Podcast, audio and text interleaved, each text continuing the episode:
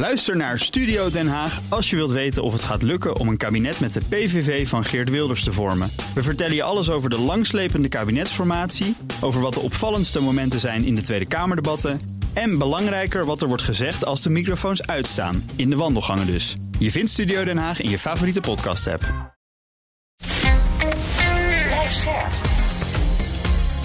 BNR Nieuwsradio. The Big Five. Art Rooijakkers. Eén ding heeft de oorlog in Oekraïne wel helder gemaakt. Europa heeft de Verenigde Staten hard nodig, nu Rusland weer een bedreiging is voor westerse democratieën. Tegelijkertijd klinkt in alles door dat de VS in economisch opzicht kiest voor America First. En dan is het land zelf ook nog eens tot op het bot verdeeld als het gaat om politieke kleur. In hoeverre kun je eigenlijk spreken van de Verenigde Staten? Hoe heeft deze grote geopolitieke macht zich de afgelopen tijd ontwikkeld? En wat kenmerkt Amerikanen en Amerikaanse cultuur? In BNR's Big Five van de Verenigde Staten ga ik op zoek naar een antwoord op deze en andere vragen in een poging om deze wereldmacht beter te begrijpen. En vandaag heb ik contact met Jan Posma, Amerika-deskundige en ook onze eigen correspondent in de Verenigde Staten voor nou ja, deze zender, ook andere media. Jan, welkom. Ja, dankjewel Art. Fijn om er te zijn. Ja, jij in Washington, ik gewoon in Amsterdam. Uh, voordat ik het met je ga hebben over de verhalen die in de Verenigde Staten het nieuws domineren, wil ik eerst twee dingen van je weten. Je woont er nu zo'n vijf jaar volgens mij in Washington DC. Werk je dus mm -hmm. ook, ja. correspondent voor verschillende media, ik zei het al. Voelde jij meteen thuis toen je daar kwam wonen tussen de Amerikanen? Uh, ja, uh, op zich wel. Uh, ik, ik, kende Amerika wel heel goed. Ik had ook in Amerika gestudeerd. ik had mijn stage ook gelopen in Washington. Dus ik in Nederland de stad een master gedaan, goed. toch? Ja, precies. Uh, een bachelor en master, of een bachelor American Studies en, en een master journalistiek daarna. Ja. En die was ook erg op Amerika gericht. Dus ik was eigenlijk altijd wel heel veel met Amerika bezig. Dus op dat punt voelde ik me wel thuis. Ook uh, meer uh, de langere tijd geweest dan, dan alleen als toerist. En dat is echt wel een groot verschil. maar ik moet ook wel zeggen, het was ook toch wel weer wennen hoor. Want als je er gaat wonen en je weet dat je er voor langere tijd zit, dan ga je toch ook anders naar zo'n land kijken. Ja, maar jullie correspondenten wonen allemaal in van die dikke villa's, toch? Dus dan heb je ook niks met gewoon land te maken. Ja. Nou, de, deze correspondent niet. Nee. Nee? nee. Toen, toen, toen wij eerst. uh, ik kwam, ben met mijn vrouw uh, Barbara. Uh, die is inmiddels ook correspondent voor het Financiële Dagblad. sinds de afgelopen verkiezingen trouwens. Dus we zijn een duo nu. Mhm. Mm -hmm. maar ik, toen wij naar Amerika kwamen, naar Washington. Toen, ja, toen gingen we daar wel een beetje. We gingen op avontuur eigenlijk. En we wisten dat we niet heel veel geld zouden hebben in het begin. Dus we zijn voor de goedkope huur gegaan. En dat was in een wijk. ja, dat was gewoon een mindere wijk. Dat was best een gevaarlijke wijk eigenlijk. En in het begin woonden we daar wel prettig. Uh, we hadden een mooi appartementje. Het was dus betaalbaar, belangrijk. Ja. Maar we merkten wel dat als je even vijf minuten uh, richting het stadscentrum liep, dat er dan een hele andere wereld was. Daar waren de Starbucks, uh, daar waren de hipsters, daar, daar, was de Whole Foods, zeg maar de luxe supermarkt. En waar wij woonden was net over de rand, waar het veel minder leuk was en veel minder prettig. En op een bepaald moment merkten we dus echt, nou, er waren er s'nachts, uh, s'avonds ook schietpartijen.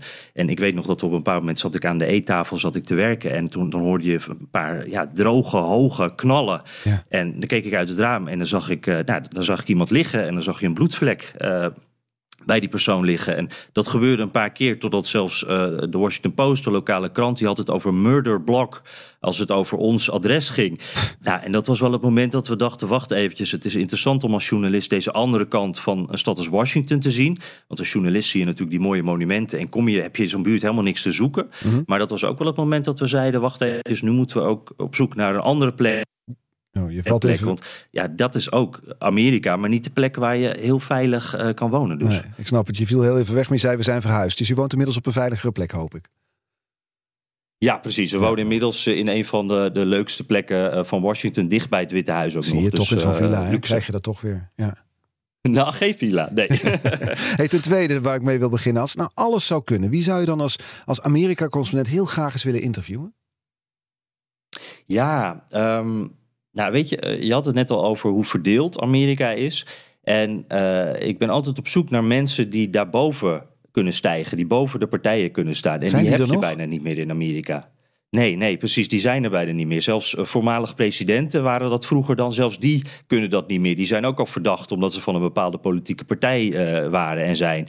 Uh, en er is één persoon die ik al een tijdje op de voet volg omdat hij dat wel probeert. En dat is misschien een wat onverwachte naam, maar Nou? Arnold Schwarzenegger. Oh. Um, we kennen hem natuurlijk allemaal ja, als, als de filmster. Ja, hè? ja. Eh, De, de, de man eh, van- de, van de bicep, zeg maar. Eh, maar die heeft zich, die is natuurlijk ook gouverneur van Californië Californië, geweest. En die heeft zich. Ja, precies. En die heeft zich tijdens, eh, tijdens corona, maar daarvoor ook al is er in een tijd dat het iedereen ja, wat, wat verder aan het polariseren was en dat het allemaal net even wat vervelender werd, was hij juist iemand die probeerde daarboven te gaan staan en probeerde wat, ja, de, de twee kanten wat dichter bij elkaar te brengen. En dat vond ik echt fascinerend, want nou ja, hij is natuurlijk eh, eh, hij is een democraat, dus dat maakt hem ook wel een beetje verdacht voor eh, rechts-Amerika. Maar tegelijkertijd is hij dus ook iemand die eh, als actieheld eh, toch ook de status heeft eh, vanuit Hollywood, dat hij toch ook wel een beetje eh, voor rechts ook een interessant iemand is. Dus ik volg altijd heel erg wat hij zegt en hoe hij daarmee bezig is. Ik vind dat hij dat ook heel knap doet. Hij doet dat via social media en met hem zou ik daar heel graag over praten. over hoe Amerika dus weer de andere kant op Ja. kan. En hoe het allemaal wat vriendelijker kan worden. En hij is natuurlijk ook een outsider. Want hij is net als ik natuurlijk ook niet geboren in Amerika. Ja, dus hij heeft daar denk ik een interessante kijk op. Laten we het over die polarisatie hebben, want dat, dat, dat benoem je al. Hè? Er zijn weinig mensen in Amerika die nog boven de partijen staan. Zelfs oud-presidenten zijn inmiddels nou, verdacht door het ene kamp en juist geliefd bij het andere kamp. Dat zie je ook terug in de berichtgeving. Alles, ieder klein incident wordt een wedstrijdje, lijkt het wel, tussen de Republikeinen en Democraten. En ik begrijp dat het zelfs zo ver gaat dat het nu al gaat over welke koffie je drinkt. Starbucks wordt gezien als links, welke schoenen je draagt. Nike wordt ook weer gezien als links. M&M's is zelfs, die snoepjes die zijn inmiddels ook niet meer volgens mij onverdacht. Het gaat wel ver, hè? Ja, ja je merkt echt. ehm, in Amerika wo- wordt op dit moment eh, bijna alles politiek gemaakt. Die, die politiek die zijpelt in alle lagen, in, in alle eh, ja, onderdelen van de samenleving, zijpelt dat zo door. En die voorbeelden die je noemt, dat klopt inderdaad. Eh, ik ken mensen die zeggen van, ja, wij drinken geen Starbucks, want de CEO, dat is een linkse man, ja, daar, daar willen we niks mee te maken hebben. Dus, dus wij drinken dat gewoon niet. Eh, de, de, de, de Nike sneakers, eh, het was een tijdje terug, toen eh, was er veel te doen om dat knielen hè, bij American voetbalwedstrijden. Dat was tijdens de, Black Lives Matter zomer, zeg maar, toen dat heel erg in het nieuws was. Toen waren er Amerikanen die hun Nikes in de fik staken en daar filmpjes van op social media zetten. En toen werd het dus ineens een statement om Nikes te dragen, terwijl je die dingen natuurlijk overal ziet. Dus dat werd ook al politiek. En zo, nou, je noemt de M&M's al, dat is dan ineens een soort, wordt gebombardeerd tot een soort nationale discussie. En dan gaat het er ineens over, ja, ma- mag er een meisjes M&M's zijn? Of is dat overdreven? Eh, wordt M&M's nu te woke? En dan zijn er dus inderdaad Amerikanen die zeggen... Ik koop dat gewoon niet meer. Ik eet het niet meer. Eh, het gaat dwars door vriendschappen en families heen. Ik, ik, ik sprak een tijdje geleden een man die heel erg anti-Trump was in Florida.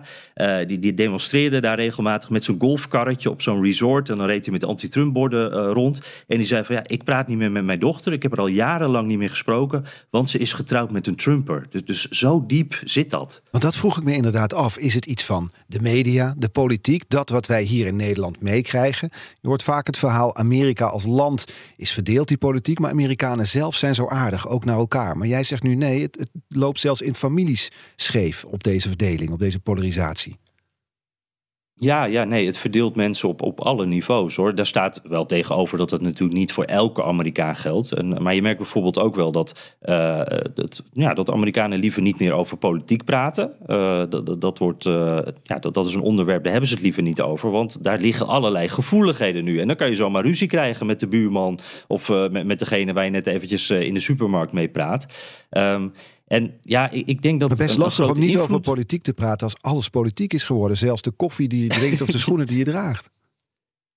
Ja, precies. Nee, dat is ook zo. Het, het, het is overal. En tegelijkertijd eh, proberen mensen dus ook wel wat te vermijden. Eh, en, en ik moet wel zeggen, die vriendelijke Amerikanen, die zijn er ook gewoon hoor. Want de Amerikanen gaan inderdaad heel vriendelijk met elkaar om eh, over het algemeen. Maar je ziet dan dat, nou ja, bijvoorbeeld de invloed van Fox News, hè, die, die rechtse conservatieve zender, die, die ook heel pro-Trump is.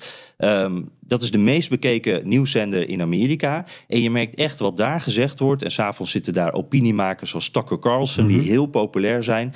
Die ook best extreem in hun meningen zijn. En je merkt wat daar gezegd wordt, dat die one-liners echt één op één overgenomen worden. En als ik natuurlijk als journalist vraag ik wel heel vaak naar politiek. En als we dan over die drempel heen zijn, dan hoor ik bij Republikeinen heel vaak die zinnetjes precies zo terugkomen. En dat is best hard allemaal. En dat voedt ook dat gevoel eh, steeds weer. Ja. En dan zit jij daar als nuchtere Nederlander, inmiddels misschien een klein beetje Amerikaans geworden, maar toch, jij kijkt er met zo'n blik van buitenaf naar. Verbaast het jou dan eigenlijk wat er in het land is gebeurd dat je ooit bestudeerd hebt? Ja, nee, zeker. Ik, uh, ik, zie mezelf inderdaad als, als nuchtere, uh, nuchtere Noorderlinger ook. Ik kom uit Friesland en, en ik heb wel het gevoel nog steeds als ik met de Amerikanen praat... dat ik inderdaad daar uh, iets nuchterder in sta in wat er allemaal gebeurt dan, dan zij. Dat is ook makkelijk natuurlijk, want ik ben echt een buitenstaander. Ik kijk van buiten naar binnen.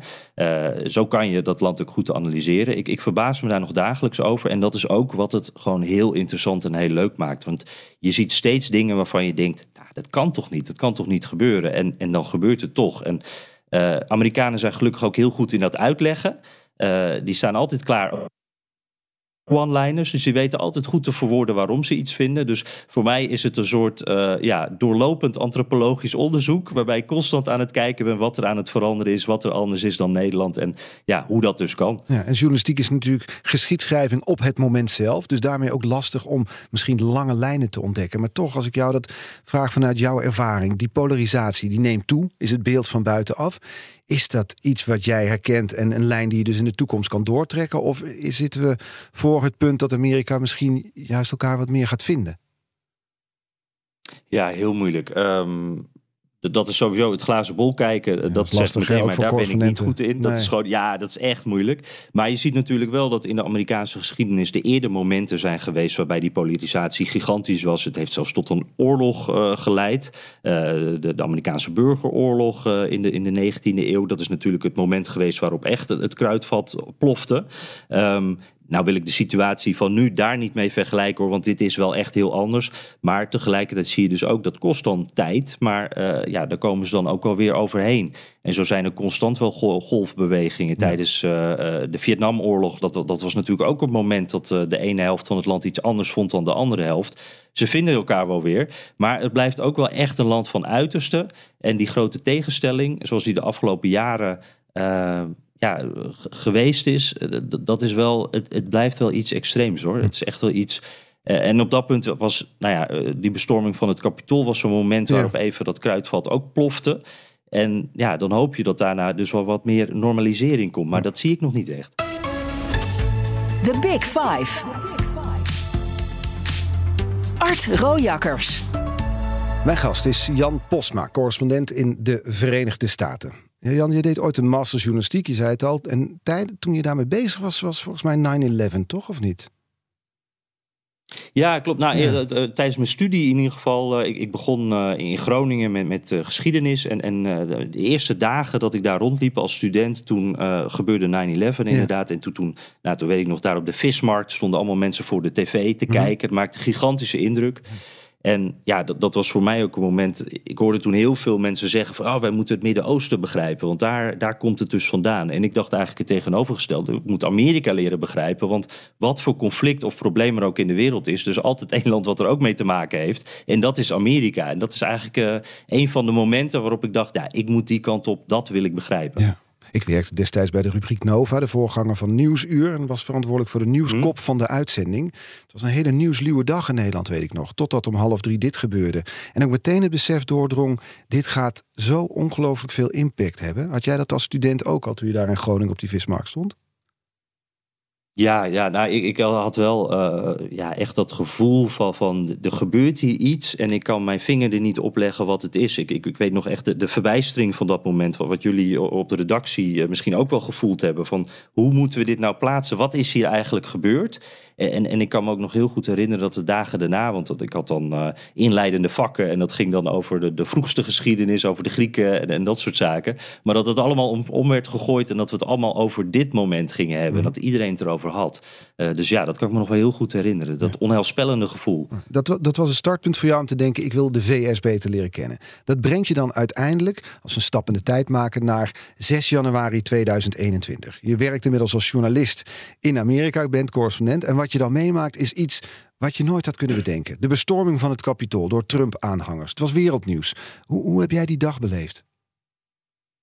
Ja, dat, dat was eh, echt een bizarre dag. Ehm, het, het, begint eigenlijk al een paar dagen daarvoor. Ik had namelijk het gevoel al een tijdje, eigenlijk al maanden daarvoor. Er waren al een paar uh, grote Trump-marsen geweest in Washington in de maanden daarvoor. Ik had er heel veel met Trump-supporters gesproken. En ik hoorde steeds echt de meest extreme dingen terug. Van uh, we grijpen naar de wapen als het nodig is. We, we worden door de overheid worden we bedrogen. Uh, deze verkiezingen, we geloven er gewoon niet in. Dit, dit was echt nog voor de verkiezingen begon dat al. Um, en, en, toen dacht ik ook al steeds van, het lijkt wel elke keer meer te worden. Dit is een hoge drukspan, hoge drukpan. En, en welke kant gaat dit op? Wat gaat hier gebeuren? En uh, dat was dus op 6 januari ook zo, die dag zelf. S ochtends gaf Trump die toespraak, die beruchte toespraak hè, voor het Witte Huis daar.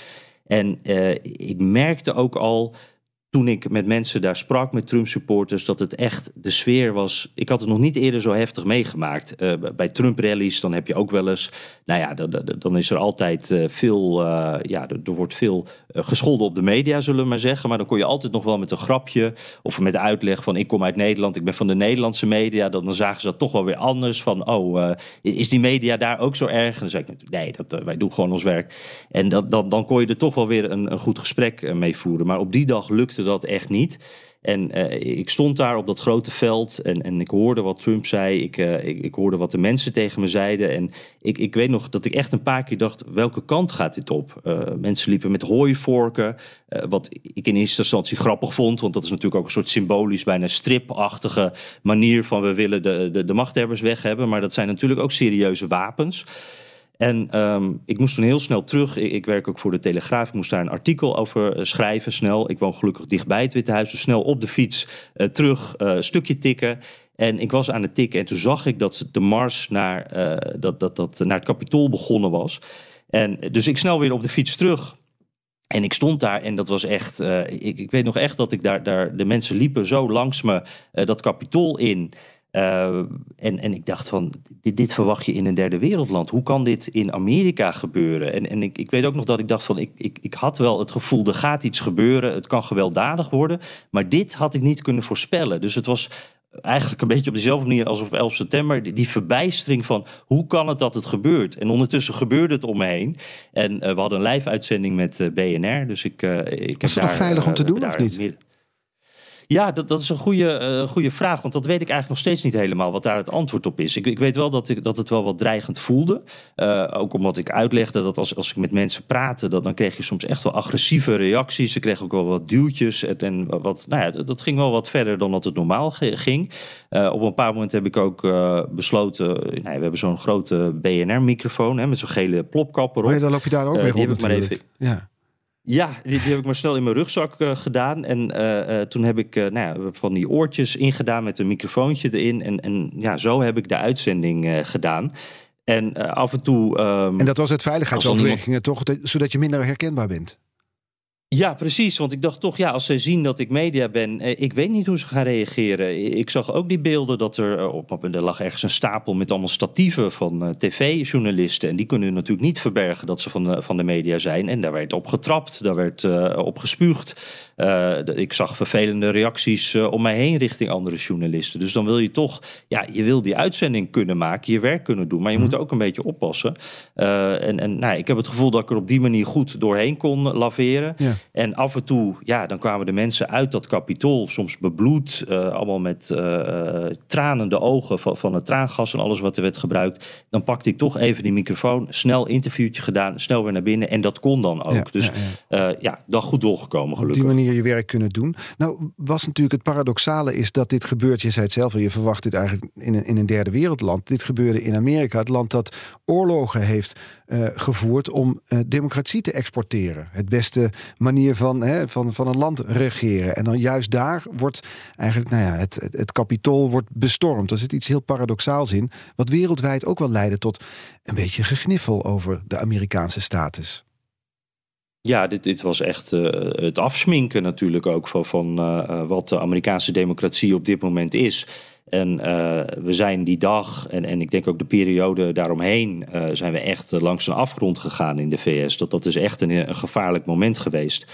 Met die bestorming, wat, wat gewoon heel gevaarlijk was als je kijkt ook hoe dicht ze uiteindelijk bij die congresleden, bij vicepresident Pence waren. Ik, ik zag daarvoor, het congres stond een, een soort schafot. Uh, mensen riepen ook constant uh, hang Pence. Uh, nou, je moet er niet aan denken wat er had kunnen gebeuren. Mm -hmm. Maar ook alle de, de, leugens die we gehoord hebben over de verkiezingsuitslag, die nog tot op de dag van vandaag doorgaan. ja, inderdaad, in het buitenland werd daar dan ook, dat merkte ik ook wel naar gekeken van wat, wat is hier aan de hand. Dit en is dat merk jij dan als correspondent? Jij merkt dat als correspondent en als Nederlander. Is dat iets waar Amerikanen zelf mee bezig zijn? Hoe, hoe dat ja, in het zeker, buitenland gezien zeker. werd en hoe dat naar hen, hun land wordt gekeken? Ja, ja, je ziet daar wel een, een groot verschil. Tenminste, dat viel mij heel erg op. Dat, uh, want Republikeinen, of, of tenminste de, de Trump-supporters, zeg maar de soort mensen die daar rondliepen, uh, die zien dat heel anders. Die hebben het gevoel. Uh, ik, ik, heb nog wel eens contact met de een van die, die zegt tot op de dag van, van vandaag. We hebben die dag geprobeerd de democratie te redden. Dus die gelooft nog steeds helemaal in die andere kant, de kant Ja. van Trump. Maar ik merk bij Democraten, en, en Washington is echt een hele democratische stad, hè, normaal gesproken. Uh, ik geloof 95, 94 procent uh, stemt daar democratisch. Uh, maar daar merk je wel heel erg, daar zijn ze heel erg met, met bezig van wat vindt Europa ervan. We zijn een beetje het lachertje van de wereld. Deed mij erg denken aan, aan de Bush-jaren tijdens de Irak-oorlog. dat, dat Amerikanen soms ook hun excuses aanboden omdat ze Amerikaans waren. En dan zeiden van ja, sorry, ik heb deze president niet gekozen. Ja. Maar ja, daar staat tegenover dat er nu dus Republikeinen zeggen uh, sorry, deze president heb ik niet gekozen, hier schaam ik me voor. Dus daar zie je die verdeeldheid ook in. Ja, er zijn onderzoeken die nog steeds lopen naar de kapitoolbestorming. Dat is dan ook meteen politiek. De Republikeinen willen volgens mij verder, de Democraten willen onderzoek doen, maar daar zit toch ook een politiek motief achter. Hoe heb jij het gevoel, wordt er in het land teruggekeken nu op de kapitoolbestorming? Zijn er lessen die daarvan geleerd zijn? Nou, dat is uh, iets heel raars geweest. Um, Iedereen was volgens mij geschrokken. Ik denk dat Trump zelf ook geschrokken was uh, na afloop. Um, en je merkte in, in de paar weken daarna dat bijvoorbeeld in het Amerikaanse congres ook dat Republikeinen ook geschrokken waren. En dat daar ook wel geluiden waren van dit ging te ver, dit, dit kan echt niet. Uh, en toen dacht ik ook wel, wacht eens even, dit is het moment dat Trump te ver is gegaan. Mm -hmm. Want dit is gewoon, uh, ja, dit, dit, dit, was de, de rode lijn, zeg maar, ook voor zijn eigen supporters. Maar uh, je merkte daarna dat toch vrij snel er weer, omgebogen. En dat ook uh, deze bestorming eigenlijk, uh, en de kritiek op de bestorming vooral, dat dat ook politiek werd gemaakt. Dat daar ook werd van, gezegd van ja, dat is eigenlijk ook uh, democraten die ons zwart proberen te maken. En toen hoorde je ook weer die complottheorieën van uh, de FBI zat ertussen. Die hebben dit eigenlijk een beetje zo, dit brandje aangestoken. En wat heeft Trump ermee te maken? Uh, dit, je hoorde ook, dit, dit, waren eigenlijk een soort toeristen. En wat hebben ze nou helemaal gedaan daar? het werd op allerlei manieren goed gepraat. En ja, eigenlijk binnen een maand of wat dan ook zaten we volgens mij weer op het punt dat er eigenlijk voor een deel van Amerika niks gebeurd was, dat dit helemaal geen probleem was en dat die lessen dus niet geleerd zijn. Uh, ondanks dat we toch allemaal die beelden hebben gezien en iedereen heeft kunnen zien hoe heftig het die dag was. Ja, dus zelfs zoiets, zelfs iets als waarheidsvinding wordt dan politiek in een land waarin alles politiek was. Daar begonnen we dit half uur mee. Zelfs de schoenen die je draagt, de koffie die je drinkt. We spreken zo verder met uh, Jan Posma, onze correspondent in de Verenigde Staten. Morgen trouwens, dan is James Kennedy te gast, hoogleraar moderne Nederlandse geschiedenis. Maar zometeen dus verder met Jan Posma. Blijf luisteren. BNR Nieuwsradio. The Big Five. Art Rooijakkers. Welkom bij tweede half uur. Deze week vijf kopstukken over de Verenigde Staten. Later deze week praat ik nog met econoom Helene Mees over de effecten van de Inflation Reduction Act op de Europese economie. Interessant gesprek moet het gaan worden. Maar vandaag de gast Jan Posma. Tenminste, hij zit in Washington, wij in Amsterdam, correspondent in de Verenigde Staten. En komende half uur wil ik graag nog twee onderwerpen met je bespreken, Jan. Namelijk wat de belangrijke politieke momenten van dit jaar worden. En nou, de zwaar verdeelde partijpolitiek in Amerika. We hadden het er al over en ik wil er toch wat meer vragen over stellen. Maar ik ga eerst een uitstapje met je maken als je me dat toestaat. We hadden vorige week een ja. week van de corruptie hier in BNR's Big Five. Diana Matroos sprak vijf deskundigen erover. De laatste was Thomas Bos. Hij is directeur opsporing bij de Field en BNR's Big Five dus van de strijd tegen corruptie. Allemaal terug te luisteren als podcast. En hij had deze vraag voor jou, de kettingvraag. Ik heb natuurlijk een bijzondere positie dat ik nu het bruggetje moet slaan van uh, de corruptie naar Amerika. En toen dacht ik aan uh, de volgende casus. De FIFA, de Internationale Voetbalbond, die is gevestigd in Zwitserland. Daar bleek van alles mis te zijn, ook in termen van corruptie. Vervolgens zijn de Amerikanen daar ingestapt om daar uh, de stal te reinigen. En nou is mijn vraag: voetbal, dat is niet een grote sport in Amerika. Het is geen American football. Maar waarom is dan toch iedere keer Amerika de politieagent van de wereld die dan op een ander continent erin stappen om corruptie op te sporen en de zaak aan te pakken? Hoe komt dat? Hoe zit dat in Amerika? En ook, tweede deel van de vraag, wat zouden wij daar als Nederlandse opsporing van kunnen leren? Ja, de eerste vraag dus over waarom Amerika zo vaak als politieagent van de wereld optreedt. Ook op dit ja, terrein. en ik, eh, een hele interessante. En ik, ik voeg daar toch ook over het voetbal. Moet ik er even aan toevoegen dat voetbal daar wel echt groeiende is. Dus uh, vrouwenvoetbal is daar echt al groot. En het afgelopen WK merkte je ook weer er steeds wat meer aandacht voor voetbal. En over vier jaar het WK daar toch? Ja, precies. En dat is ook wel belangrijk. Want uh, ook met de, hoe dat soort uh, locaties worden uh, bepaald. Daar is natuurlijk ook wel eens wat discussie over corruptie. En, en, dat is ook denk ik wel een reden waarom Amerikaanse justitie extra interesse heeft. Want inderdaad in 2026 samen met Mexico en Canada gaan ze het doen. Dus dat voetbal, het is inderdaad geen American voetbal. Maar het is echt wel een sport, een belangrijke sport aan het worden daar. Um, ja, en, en wat denk ik meespeelt in dit geval, uh, de belangrijkste informant, dat was uh, Chuck Blazer, was ook een Amerikaan, die zat in de FIFA. Um, dus dat speelde wel mee. Maar ik denk ook wel dat Amerikanen gewend zijn om deze rol op zich te nemen. En ze voelen daar ook geen, geen scrupules bij. Die denken als, ja, als wij het niet doen, dan doet niemand het. Dus nou, dan doen wij het dus maar. En er zit denk ik ook wel wat eigen belang bij, want dit is ook de verantwoordelijkheid uh, die, ze voelen. Maar ja, ze hebben er zelf natuurlijk ook wat aan. Als die Amerikanen steeds meer in dat voetbal gaan, dan is het ook beter voor hun als de FIFA uh, niet een corrupte organisatie is. En zo is dat ook een beetje met Biden voor met de Oekraïne. Uh, dat heeft er ook mee te maken van ja, uh, Amerika is ook beter af als Europa vrij blijft. Dus uh, er zit ook wel wat van die gedachte in. Hm. En ik moet ook meteen zeggen, niet elke Amerikaan denkt zo hoor. Dus sommige Amerikanen die denken ook van waar bemoeien wij ons mee? Laten we ons gewoon lekker op onze eigen problemen richten. Tweede vraag was het sowieso hè, wat de Nederlandse opsporingsdienst kan leren van hun Amerikaanse collega's. Maar misschien heb je sowieso wel iets wat wij, waarvan je nu, als je naar Nederland kijkt, denkt van ja, dat zou, zouden ze wat Amerikaanser kunnen oplossen?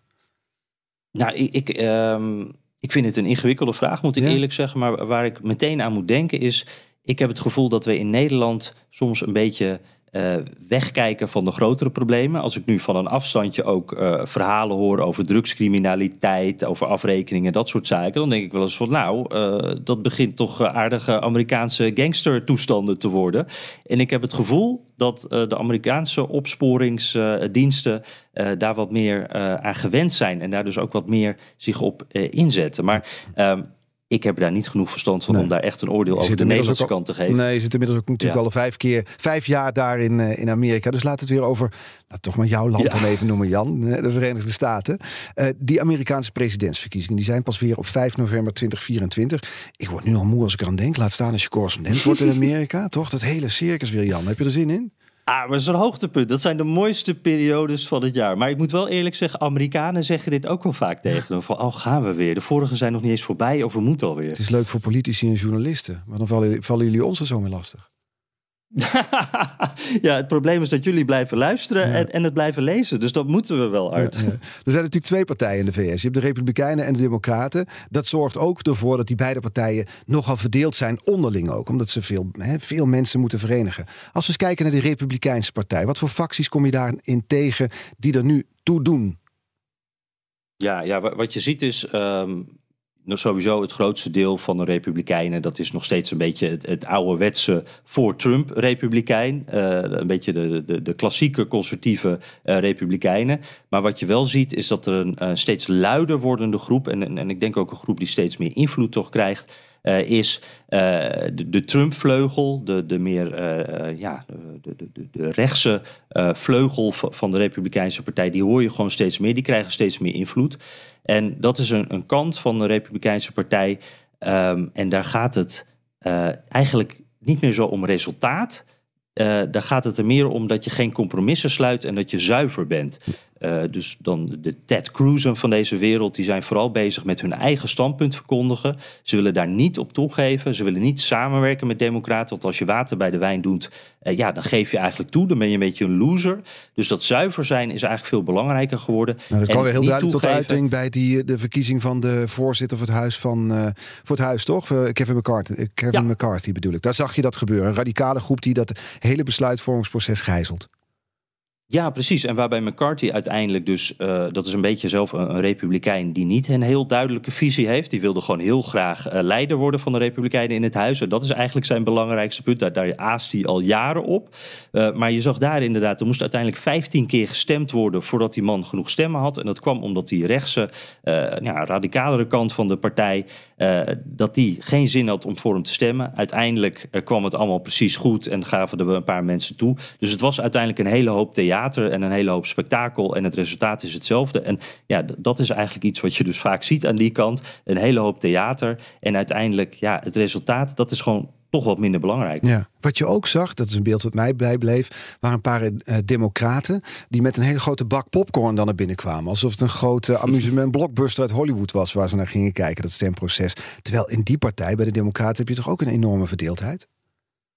Ja, klopt. Uh, en, en dat is ook wel een, de, de, hypocrisie die je aan beide kanten ziet hoor. Want als er problemen aan de andere kant zijn, of dat nou met de president of binnen de partij is, uh, aan de andere kant wordt altijd hard gelachen, zijn ze altijd heel kritisch, uh, doen ze altijd alsof de andere kant gek is.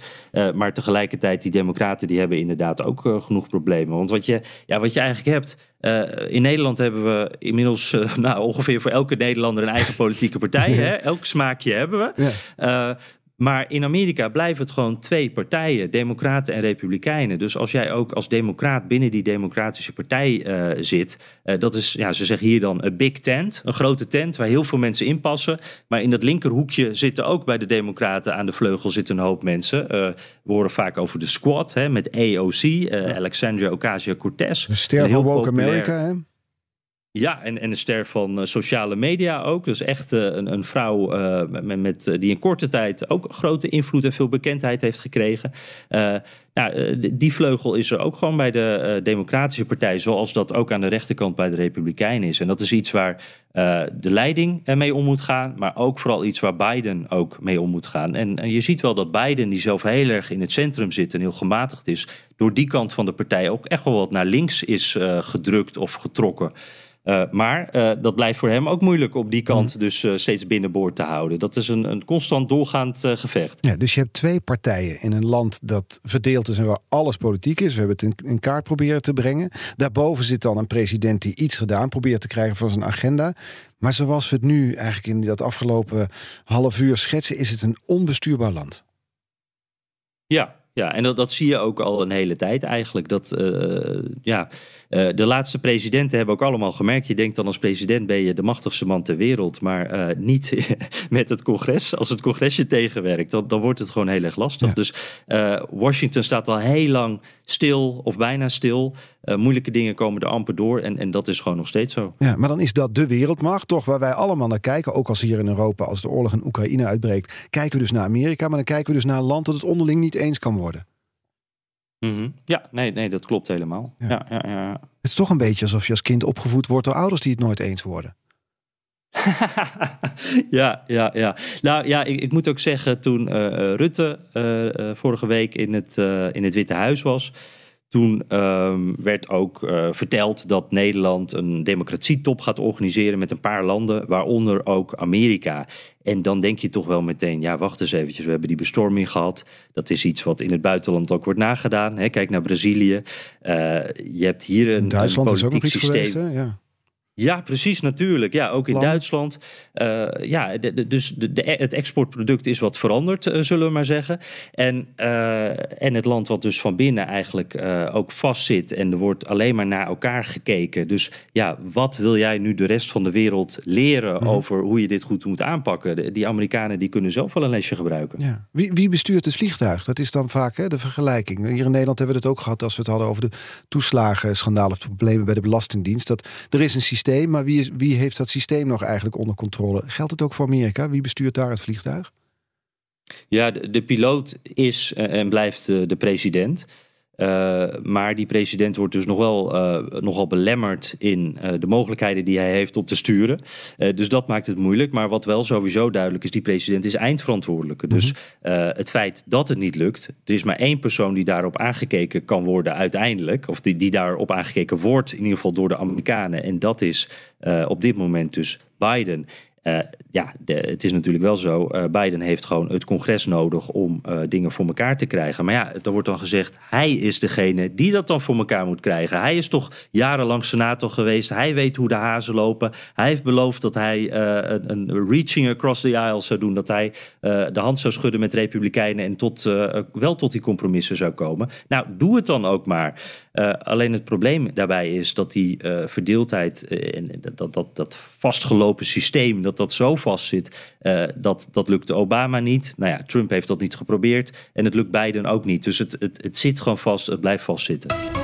BNR Nieuwsradio. The Big Five. Art Rojakkers. Je luistert naar BNR's Big Five van de Verenigde Staten. Later deze week praat ik nog met Jaap Kooijman, hoofddocent mediastudies en Amerikanistiek. Dan vraag ik hem bijvoorbeeld hoe de Amerikaanse popcultuur zich verspreidde over de rest van de wereld. Vandaag de gast Jan Posma, correspondent in de Verenigde Staten. We spreken hem vanuit Washington. Jan, je zei al eerder, ik heb geen glazen bol. Het is lastig om dingen te voorspellen. Wat je wel kan zeggen, volgens mij in de toekomst, is wat de, belangrijkste politieke momenten van dit jaar gaan worden in de VS. Ja, zeker. Uh, we, gaan een paar uh, strijdpunten uh, gaan we krijgen uh, de, de, komende, het komende jaar. Ehm, laat ik maar even beginnen met wat voor ons in Nederland het dichtst bij ligt. de steun aan Oekraïne. Um, Biden heeft op dit moment nog een, een potje eigenlijk waar hij steun uit kan halen. Dat is nog vastgelegd door het oude congres, de begroting toen, waar democraten nog de meerderheid in het Huis van Afgevaardigden hadden. Dus dat was niet moeilijk om dat door te krijgen. Maar dat potje is straks een keer op.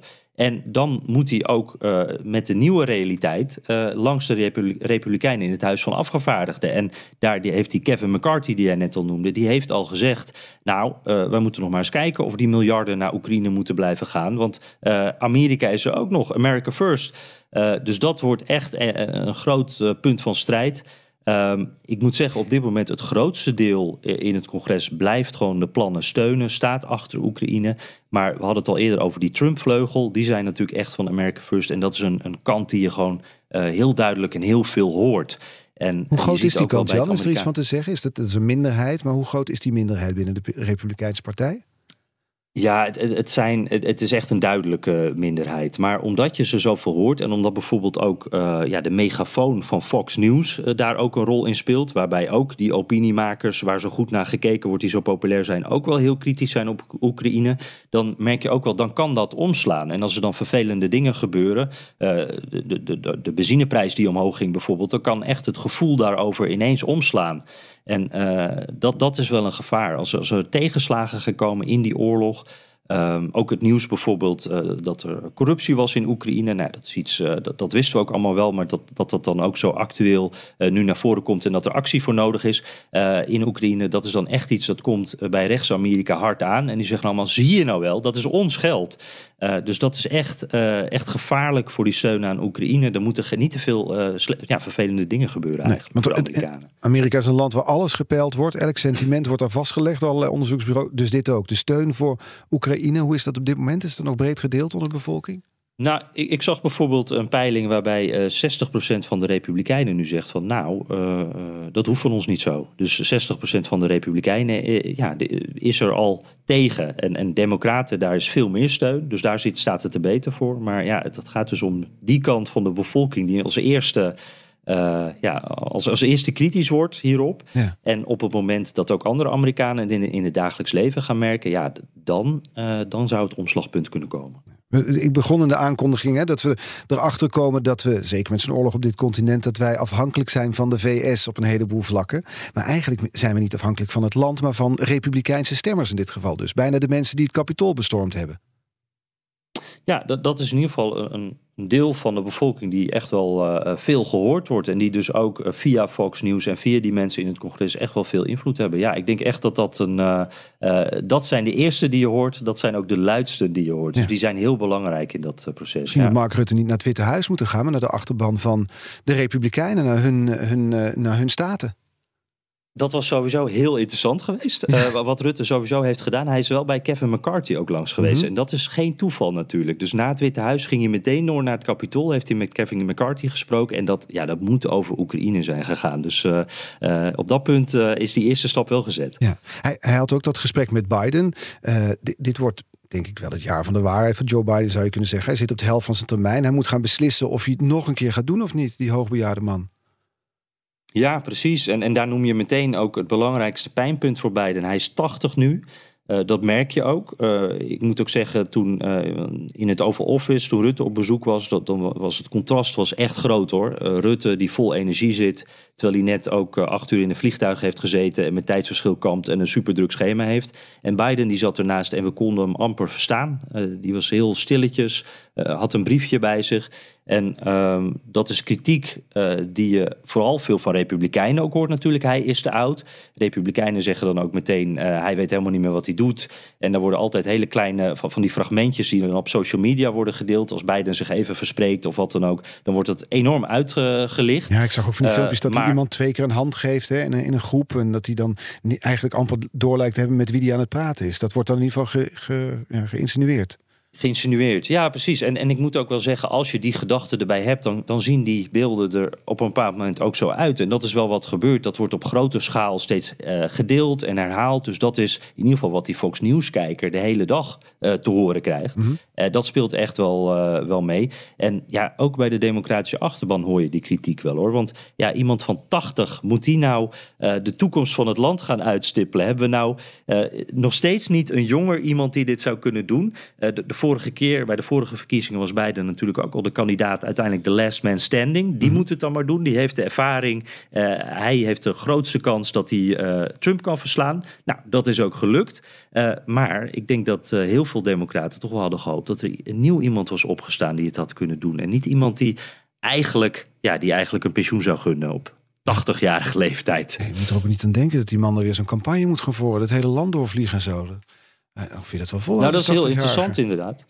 Ja, ja, want hij heeft natuurlijk de vorige campagne wel een beetje, ja, ik zeg tussen aanhalingstekens, geluk gehad dat corona er was. Want daardoor waren heel veel uh, evenementen werden afgelast. Het was echt een campagne die vooral virtueel werd gehouden. Uh, en dat is natuurlijk iets wat je makkelijker volhoudt. Maar nu zijn we straks dus uh, vier jaar verder. En uh, waarschijnlijk geen corona op dat moment. En ik weet niet of hij een 100% turbo erop politieke campagne... of een man van zijn leeftijd dat succesvol kan doen. Helemaal als hij al vier jaar presidentschap erop heeft zitten. Ja. Maar het, het, schijnt dus dat hij zelf, zelf zegt hij nog steeds, ik wil het gaan doen. En uh, we krijgen 7 februari de State of the Union toespraak.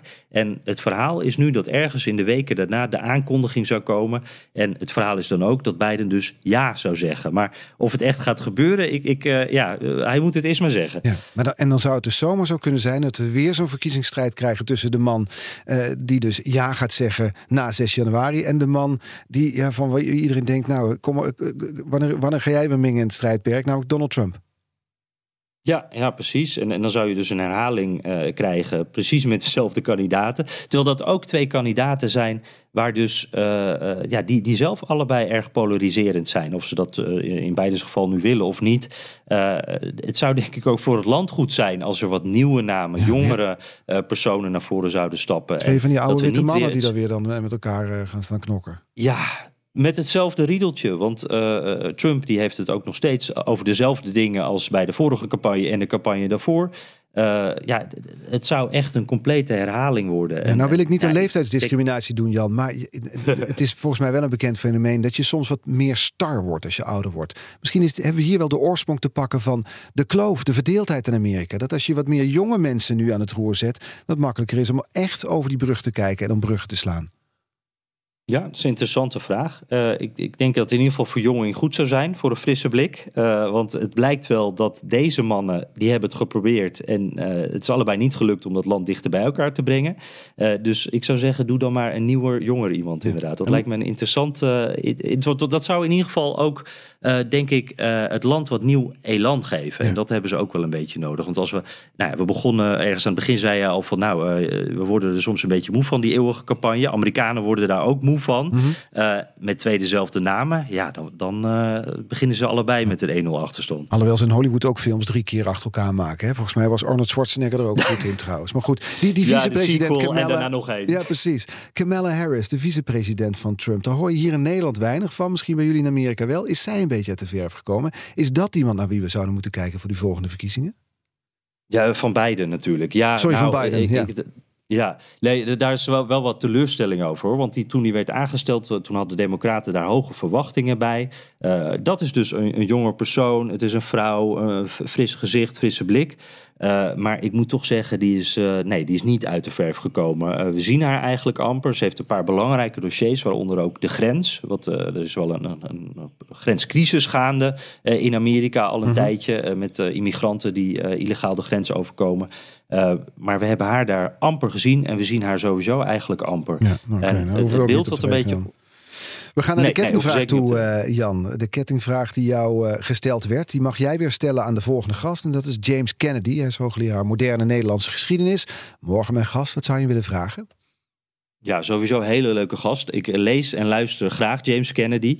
Ehm, en hij is ja, een Amerikaanse Nederlander. Of ik weet niet of hij inmiddels een Nederlandse Amerikaan is. Of hoe hij dat zelf voelt. Maar eh, hij weet precies wat er speelt aan beide kanten van de oceaan. En ik denk dat Nederlanders diep van binnen eh, volgens mij voelen die nog steeds dat, dat, dat wij Nederlanders nuchter zijn en Amerikanen niet. Die zijn een beetje gek. Maar ik heb zelf het gevoel de laatste jaren met corona, maar ook over andere onderwerpen, hoor ik in Nederland steeds meer. eh, de complottheorieën, de onvrede, eh, vlaggen op de kop in, in, in stad en land. Eh, de dingen die ik eerst vooral in Amerika hoorde en zag, zie ik steeds meer in Nederland. Elke keer als ik op bezoek ben. Eh, dus ik vraag me af, James, wat denk jij? Zijn wij meer op de Amerikanen gaan lijken? En lijken wij misschien sowieso niet wat meer op Amerikanen dan we eigenlijk zelf willen toegeven? We gaan het er morgen vragen. Dank Jan Posma voor dit interessante gesprek. Alle afleveringen van BNR's Big Five zijn natuurlijk terug te luisteren. Je kunt je abonneren op onze podcast via onze eigen app of je favoriete podcastkanaal. Dan hoef je geen aflevering te missen. Tot morgen. Ook Liesbeth Staats vind je in de BNR-app. Ja, heel handig. Luister live naar Kees en mij tijdens de Daily Move. Dan blijf je ook gelijk op de hoogte van breaking news en het laatste zakelijke nieuws. En daar vind je ook alle BNR-podcasts, waaronder de Perestrooikast. Download nu de gratis BNR-app en blijf scherp.